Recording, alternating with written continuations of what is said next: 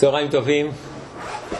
אה, אנחנו בתוך אה, סדרת אה, שיעורים, בתוך חטיבת שיעורים שעוסקת בסוגיה של התורה והמצוות, בתוך המסגרת הזאת שיצאנו, הגענו אליה מתוך עיסוק בסוגיות של המוסר והקדושה. אנחנו כבר כמה שיעורים מטפלים בעולם הזה של התורה והמצוות. אנחנו מגיעים היום לעוד מושג יסודי במשנתו של מניטו, כמו שהכתרנו את הנושא הזה, ככה זה גם מוגדר אצלו, תורת משה ותורת אהרון. אבל בואו נחזור מעט אל יסודות שכבר אה, למדנו, שהם בעצם קשורים לעניין הזה של, אה, של התורה אה, בכלל. נכון? אנחנו באופן יסודי אה, מסתכלים על התורה, אנחנו קוראים לתורה תורת משה. נכון, תורת משה. מה, אה, מה המוקד של התורה? מניטו מדגיש מאוד איזושהי נקודה ש... אה, שקודם אני אציג אותה, ואחרי זה כשאני אה, אציג לעומת מה היא באה, יהיה יותר ברור מה נקודת החידוש. בעצם הניטור אומר, תורת משה זה תורת תיקון. מה זה אומר תורת תיקון? תורת תיקון אה, זה קשור לתמונה שלמה שמניטו אה, אה, מניח ביסוד אה, התפיסה של התורה ושכבר טיפלנו בה הרבה בתחילת כל הסדרה שלנו. והיא אה, שהמושג אה, תיקון פירושו של דבר שמוטל על האדם אה, להשלים את העולם החסר.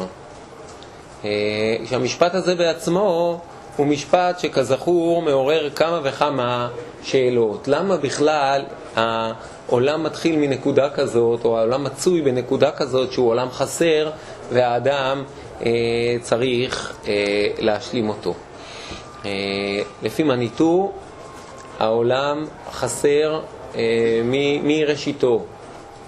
או במילים אחרות, הקדוש ברוך הוא באופן יזום בורא עולם חסר. אם אה, ניקח לדוגמה את הפסוק שחותם את כל פרשת הבריאה, אה, כבוד שבת מכל מלאכתו אשר ברא אלוקים לעשות, אומרים חז"ל, כל מה שנברא בששת ימי בראשית דורש עשייה, דורש תיקון. כן, המושג אה, תיקון, המושג עשייה הוא המושג תיקון, כמו ועשתה את ציפורניה, היא מתקנת אותם, היא משלימה אותם. יש איזה מצב, הוא מצב חסר, ושטיפת תואר היא אה, צריכה לתקן אותם. ל, ל, אה, לעשות זה לא סתם לעשות מעשים, אשר ברא אלוקים לעשות זה לא לעשות כל מיני מעשים, לעשות זה לתקן. אם ככה מסתיימת פרשת הבריאה, זה אומר שהבריאה מיסודה היא בריאה שיש בה חיסרון, והיא נבראה בחיסרון על מנת שהיא תעבור תהליך של תיקון על ידי האדם. אז אה, כמובן הדבר הזה מעורר את השאלה איך קורה שאלוקים השלם אה, יוצא לעולם אה, חסר. אז כבר אמרנו, זה לא שזה מה שיוצא לו, אלא זה מה שהוא יוצר באופן מכוון. ולמה?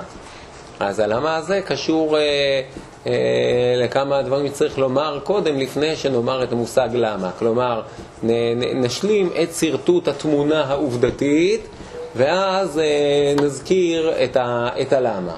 התמונה העובדתית, אומר מניטו, היא כזאת, שהמציאות בעצם בנויה אה, בשתי רמות. יש את רמת מחשבת הבריאה ויש את רמת הבריאה בפועל. מחשבת הבריאה זאת התמונה השלמה של העולם כפי שהיא נמצאת במחשבת הבורא. אה, הבריאה בפועל היא הבריאה כפי שהיא נמצאת במציאות ב... אה, ביצירתה, בנקודות הראשית שלה. יש פער בין מחשבת הבריאה לבין הבריאה בפועל. במילים אחרות, מהרגע הראשון של ההיסטוריה יש לנו שני מימדים.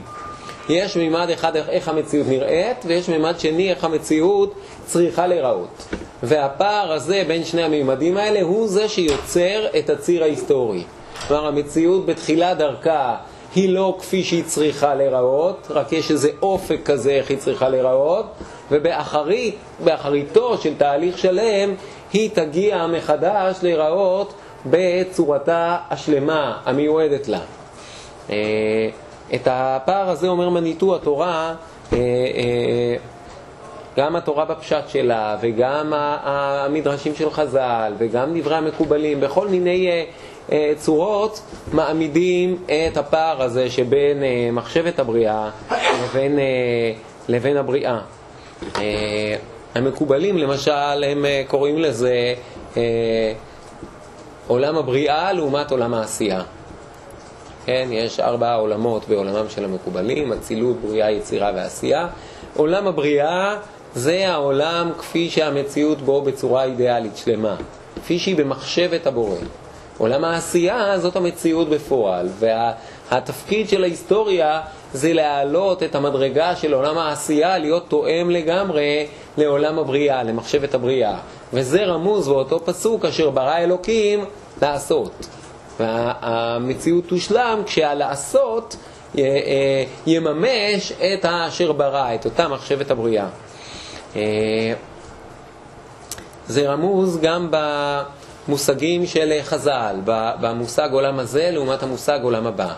עולם הבא לא במובן של עולם הנשמות, אלא עולם הבא במובן של העולם העתידי השלם. העולם הזה זה העולם המעשי של הבריאה. העולם הבא זה כשהעולם הזה הגיע לאותה מדרגה שבה הוא מממש, הוא מגשים את אה, מחשבת, אה, מחשבת הבריאה. אה, זה מתבטא גם ב... ב בעולם ש...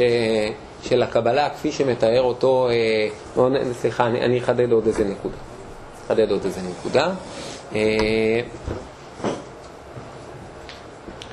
אה, שתי נקודות שבעצם אה, באות ביחד, הן שני צידי מטבע.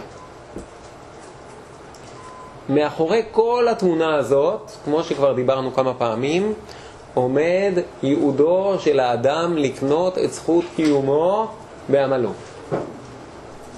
העולם נברא חסר בכוונה על מנת שהאדם יהיה שותף להשלמתו, ואז ברגע הזה גם העולם הוא שלם וגם האדם הוא שלם, והוא שלם לא רק אם מבחוץ הוא נהיה שלם, אבל בעצם באופן פנימי אין לו שום זכות קיום מצד עצמו, אלא הוא שלם מפני שהוא השלים את זכות קיומו.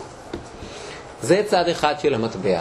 צד שני של המטבע זה שכיוון שכל המציאות נבראה חסרה בשביל לאפשר את המהלך הזה של קניית זכות הקיום, הרי שהחיסרון בעצמו הוא לא נובע מהאדם, הוא לא בגלל אשמתו של האדם, הוא לא נובע מאחריותו של האדם.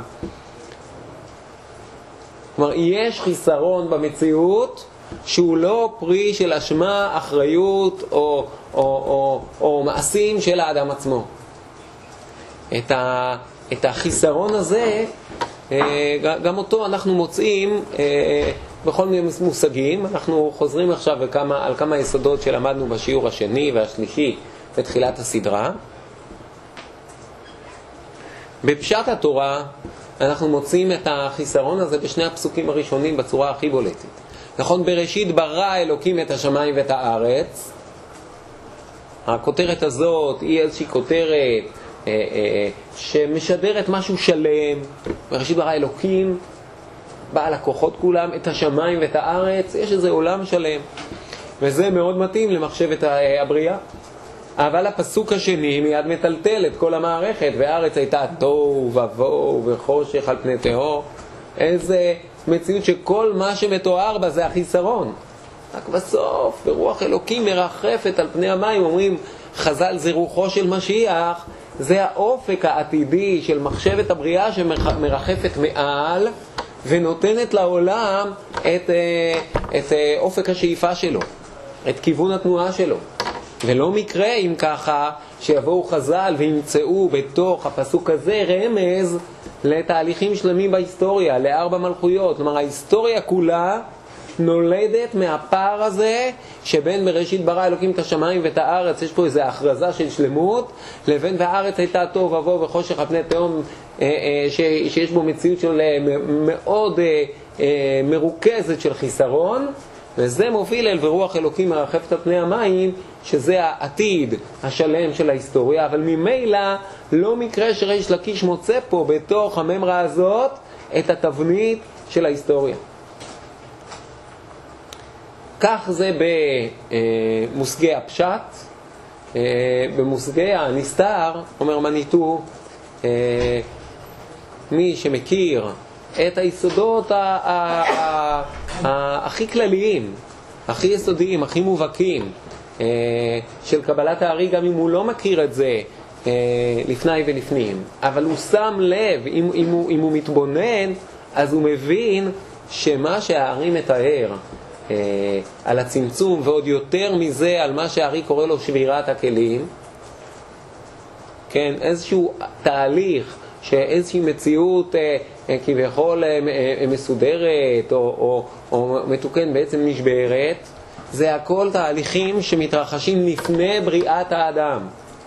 או במילים אחרות, זה הכל תהליכים יזומים שנועדים באופן מכוון ליצור עולם שיש בו חיסרון. במילים אחרות, יש פה דבר מדהים, שבפעילות הפשוטה של הקדוש ברוך הוא, בעצם מה שאמור היה להיווצר זה עולם שלם.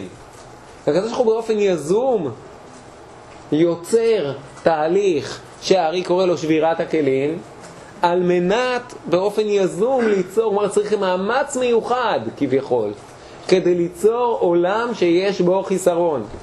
אצל האדם זה כמובן הפוך. אם הוא יפעל אה, בלי מחשבה, בלי תכנון, בלי מאמץ, יצאו תוצאות חסרות. אם הוא יתאמץ, יצאו תוצאות שלמות, או יתקרב אל השלמות. אצל הקדוש ברוך הוא זה הפוך, צריך איזה מאמץ מיוחד בשביל ליצור מציאות חסרה. וכל המציאות החסרה הזאת זה הכל בשלבים של טרום יצירה, טרום, אה, אה, טרום הבריאה, טרום ששת ימי הבריאה. אז המציאות כבר מתחילה מהחיסרון הזה. מהיום הראשון של הבריאה, הקדוש ברוך הוא עסוק בלבנות מתוך התוהו תשתית ראשונית של עולם ש, שחלקו יהיה כבר מתוקן, על מנת שבתוכו יהיה מקום לאדם להשלים את המלאכה. אני לא נכנס כרגע לבירור הזה מה הקדוש ברוך הוא מתקן, מה הוא משאיר לאדם, אבל בסך הכל זאת התמונה הכללית. חז"ל בהקשבה העדינה שלהם גם לפרשת הבריאה בעצמה, הם מגלים גם בה פערים בין מחשבת הבריאה לבין הבריאה הממשית, כמו הסוגיה הזאת של טעם העץ כטעם פריו. אה, אה, עץ פרי עושה פרי או עץ עושה פרי, כמו הסוגיה הזאת של אה, שני מלכים משמשים בכתר אחד, שני המאורות הגדולים, או המאור הגדול והמאור הקטן. יש איזו מחשבת בריאה של שני מאורות גדולים ויש אה, אה, אה, מימוש של המאור הגדול והמאור הקטן, יש מחשבת בריאה של אה, עץ פרי עושה פרי ו, ומימוש של עץ עושה פרי, יש פער בין מחשבת הבריאה לבין הבריאה, יש עוד כמה דברים כאלה, אנחנו הזכרנו את זה נראה לי כמה פעמים ואף פעם עוד לא הקדשנו שיעור מסודר לסוגיה הזאת, שגם היא סוגיה אה, יסודית ומשמעותית מאוד בדברי מניטור, אה, אני מאמין שעוד נגיע לזה, אבל רק צירפתי את זה אל תוך התמונה השלמה הזאת שבה בעצם עוד לפני שמגיע האדם עלי אדמות, יש כבר שורה של חסרונות, והחסרונות האלו הם פערים בין מחשבת הבריאה לבריאה, והפערים האלה ביסודם הם מכוונים על מנת אה, להפוך את האדם לשותף, ושבשותפות שלו הוא יזכה בזכות קיומו. כל התפיסה הזאת עומדת ב- למול תפיסה מנוגדת שמניטו כל הזמן רוצה להוציא ממנה. התפיסה המנוגדת בעצם אומרת הפוך, אלוקים ברא עולם שלם והאדם קלקל. והנושא של החיים בעולם זה להתעסק כל הזמן במה שהאדם קלקל. אך העולם כשלעצמו הוא בסימן של עולם כזה שהאדם הרס אותו, ומפה והלאה כל הנושא זה אך ורק הטיפול במה שהאדם קלקל. הוא אומר ש... ש... שה... אה, הביטוי החריף של התפיסה הזאת זה בנצרות. בסדר? שבנצרות בעצם האדם קלקל, הרס, אה, אה, אה, הרס בעצם במובן מסוים את העולם. הקלקול הזה באמת הוא בעצם, כ... הוא לא בר תקנה אפילו, והאדם כל הזמן בעצם עסוק באיזשהו מובן ב- ב- בלהתחרט עליו ובלהיות נתון לחסדי האל ש... שירחם עליו על זה. אבל שוב, הנושא המרכזי של העולם זה שהאדם הוא החוטא, האדם הוא המקלקל. כלומר, הקדוש ברוך הוא היוצר מציאות שלמה, והאדם בעצם מעמדו בעולם הוא קודם כל כאדם שמקלקל, כאדם שחוטא, וזה מעמדו, וזה טיבו, וזה אופיו. והחטא הקדמון משפיע על, על כל אה, אה, אה, אה, העתיד, אה, השפעה כזאת שבעצם הופכת את, ה, את האדם באיזשהו מובן להיות אה, אבוד. אה,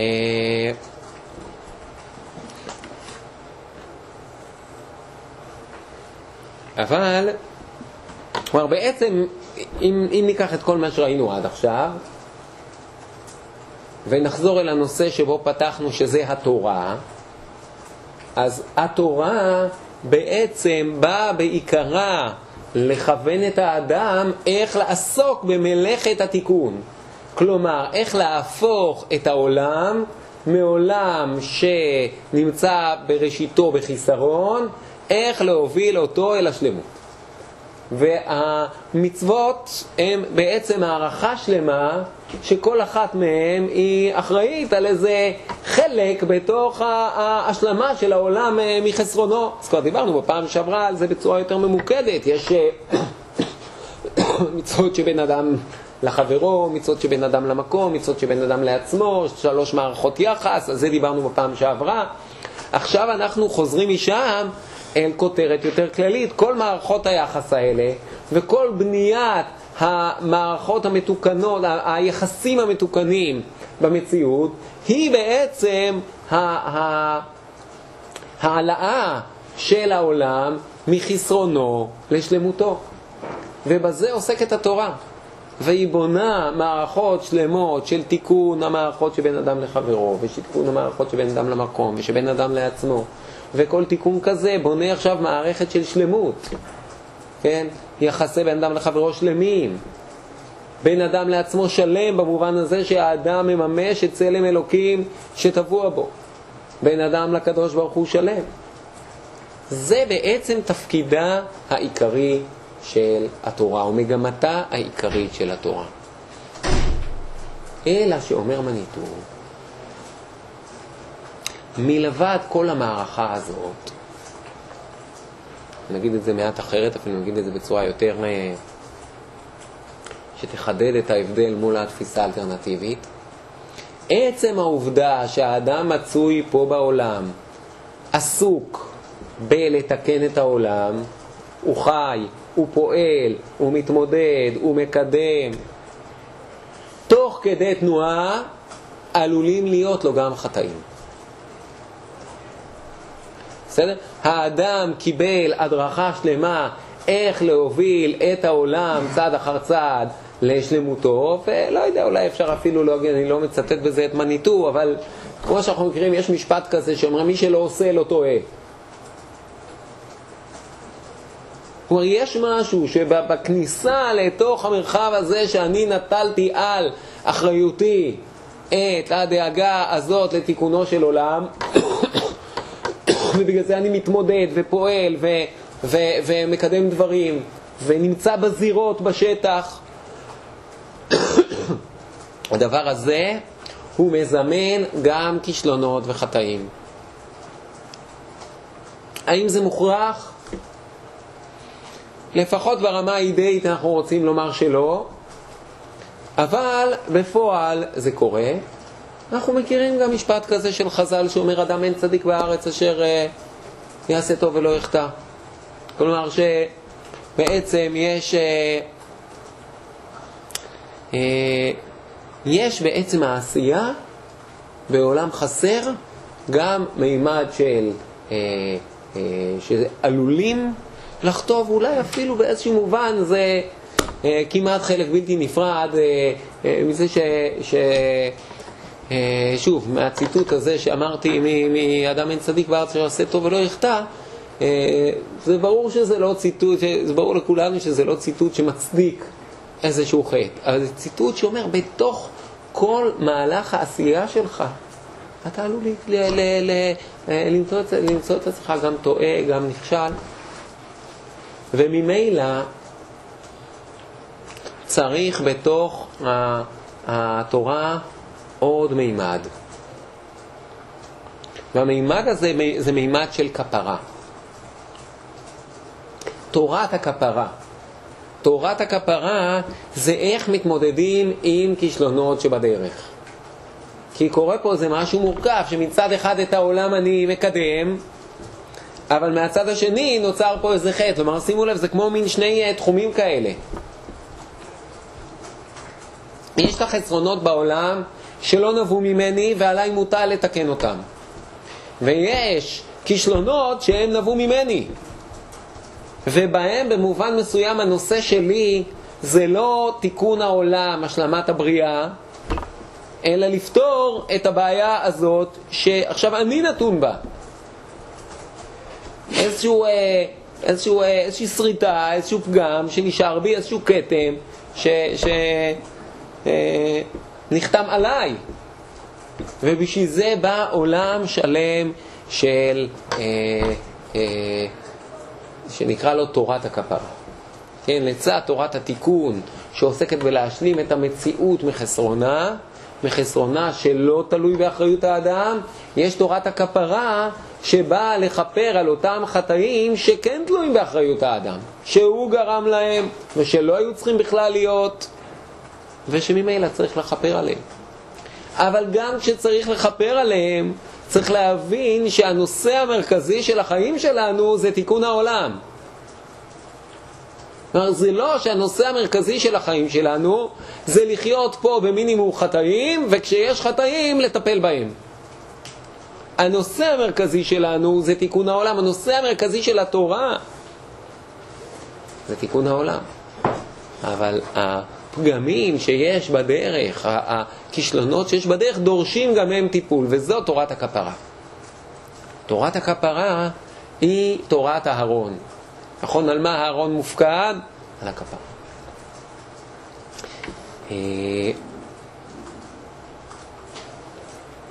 מניטו מחדד, ככה לאור ההבחנה הזאת, תשובה לפסוקים מאוד, ככה פרשנות לפסוקים מאוד מפתיעים שיש בספר ירמיהו. ירמיהו אומר, עולותיכם ספו על זבחיכם ויאכלו בשר, כי לא דיברתי את אבותיכם ולא ציוויתים ביום הוציא אותם מארץ מצרים על דברי עולה וזבח.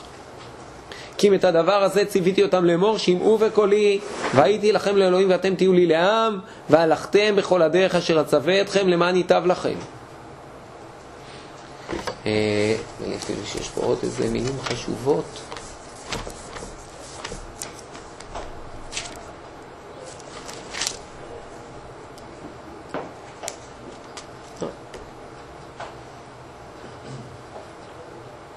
ולא שמעו ולא הטו אוזנם וילכו במועצת בשרירות ליבם הרע וכולי. אז במבט ראשון, ככה, מי שקורא שטחית את הנבואה הוא בעצם יכול לבוא ולהגיד מה כתוב פה? שבעצם התורה לא ציפתה אותנו בכלל על קורבנות. אז מאיפה יש בתורה קורבנות? לא יודע, מי, מי הוסיף שם את כל הפרשיות האלה? כתוב במפורש בירמיהו שלא לא ציוויתי אתכם אה, על קורבנות. אומר מניטו, יש פה את ההבחנה היסודית בין תורת משה לתורת אהרון, ככותרת, כן? בין התורה שניתנה לכתחילה לצורך התיקון, תיקונו של עולם חסר, לצורך שותפותו של האדם עם הקדוש ברוך הוא, לבין התורה שניתנה בדיעבד, כיוון שהיו או יש גם חטאים וכישלונות בדרך, על מנת לטפל בחטאים ובכישלונות הללו. איך? הכלי היסודי של התורה לכפרה זה קודם כל עולם הקורבנות. ובאמת, בהרבה מובנים, עולם הקורבנות, נפש כי תחטא, כל הדבר הזה, אם נשאל את עצמנו איפה הדבר הזה אה, מופיע, הוא מופיע קודם כל אחרי חטא העגל. נכון? בכלל, המושג כפרה ביחס לעם ישראל, מתי הוא מופיע פעם ראשונה? שמשה אומר לעם ישראל אחרי חטא העגל, את, אתם חטאתם חטאה גדולה, ואתה אעלה אל השם, אולי אכפרה בעד חטאתכם. כלומר, יש פה איזה, יש פה איזה תסבוכת שמחייבת עכשיו איזשהו משהו חדש. ואגב, הקדוש ברוך הוא אומר לו, מי אשר חטא לי ימחנו מספרי. הוא לא מקבל את הבקשה הזאת. מה היה עד עכשיו? תורת משה. הקדוש ברוך הוא גילה לעם ישראל את, ה, את התורה, עשרת הדיברות, פרשת משפטים וכולי, על מנת שעם ישראל יתקן את העולם, יוציא את העולם מחסרונו. ואז מגיע המשבר הגדול של חטא העגל, והוא מצריך תורה חדשה, מימד חדש בתורה. מה זה המימד הזה? המימד של הכפרה. ואפשר אפילו לומר שהמימד הזה לא מגיע בקלות, כי זה כאילו לא, לא בשביל זה התורה באה. להפך, המחשבה הראשונה היא, הניחא לי ויחרפי בהם ואכלם. כלומר, אם הם לא יכולים לקחת את מסע תיקון העולם על כתפיהם, אז, אז כל הסיפור לא שווה. אני בחרתי בישראל בשביל השליחות הזאת, בשביל התיקון. לא בשביל לטפל בחטאים שלהם, זה בכלל לא, כאילו, בכלל לא, אנחנו לא אמורים לרדת לשם בכלל. תחשבו על איזה, אני יודע מה, איזה יחידה מובחרת שיוצאת לאיזה פעולה אה, אה, קשה מאוד, ופתאום המפקד צריך להתעסק בבעיות משמעת. מה זה קשור בכלל? כאילו, אתם עכשיו פה בשליחות, אתם עכשיו באים פה לתקן, מה... להתעסק בבעיות שלכם, בלהעניש אתכם, בלא להעניש אתכם, אני חליבי חרפי בהם ואכלם ואעשה אותך לגוי גדול, זה אפילו לא עונש. זה להגיד, כל הסיפור לא מתחיל. אני צריך עם בשביל תיקון העולם. אבל מתוך כל הסיפור הזה מתגלית גם תורה של כפרה. אם נלך רגע בשיטת רש"י, זה בולט מאוד. נכון, לפי שיטת רש"י, בכלל כל העולם של המשכן והמזבח והקורבנות, כל הדבר הזה לא היה בא לעולם לולא חטא העגל. ככה באופן פשוט. נכון שהציווי על המשכן בא בעקבות חטא העגל. לא כמו מהלך הפשוט של הפרשיות. לפי זה בעצם כל עולמו של המשכן הוא תורת כפרה, כאילו היינו אומרים באופן פשוט, אה, תורת משה מתגלית בפרשת יתרו, בפרשת משפטים וברוב שאר התורה, אבל תורת אהרון מתגלית בפרשיות המשכן שבספר שמות בעקבות חטא העגל, ואחרי זה בספר ויקרא, נפש כי תחתא. נכון, זה לא כל ספר ויקרא, יש לנו פרשת קדושים, יש לנו פרשת אמור, אבל, אבל חצי ספר ויקרא, אה, יש בו התעסקות מאוד מאוד גדולה בזה, במשכן ובקורבנות. והלב של ספר ויקרא, פרק ט"ז, סדר עבודת כהן גדול ביום הכיפורים. יום הכיפורים זה היום של, ה... של תורת הכהן. נכון, זה יום שבו בלי הכהן הגדול אין, אין לנו קיום. הלב של הלב של תורת הכפרה זה יום הכיפורים.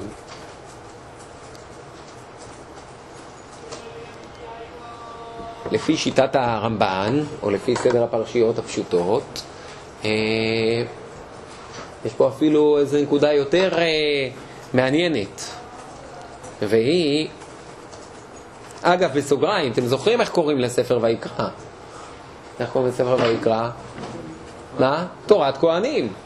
נכון, מה זה תורת כהנים? תורת כהנים. יש תורת משה ויש תורת כהנים. ולפי דברי הרמב"ן, יש פה איזו נקודה עוד יותר אה, עמוקה. אה, לכאורה דברי הרמב"ן, או פשט הפרשיות, סותר את זה, שהרי יש לנו משכן עוד לפני כן.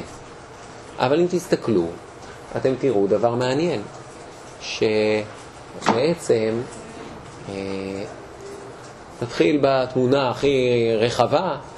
אה, באמת ההתעסקות במשכן כמשכן שבא לכפר חטאים זה בספר ויקרא.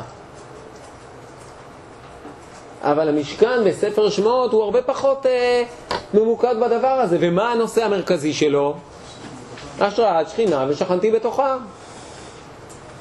כך שבעצם אפשר לומר שבעקבות חטא העגל המשכן מקבל תפקיד נוסף. מה התפקיד הנוסף?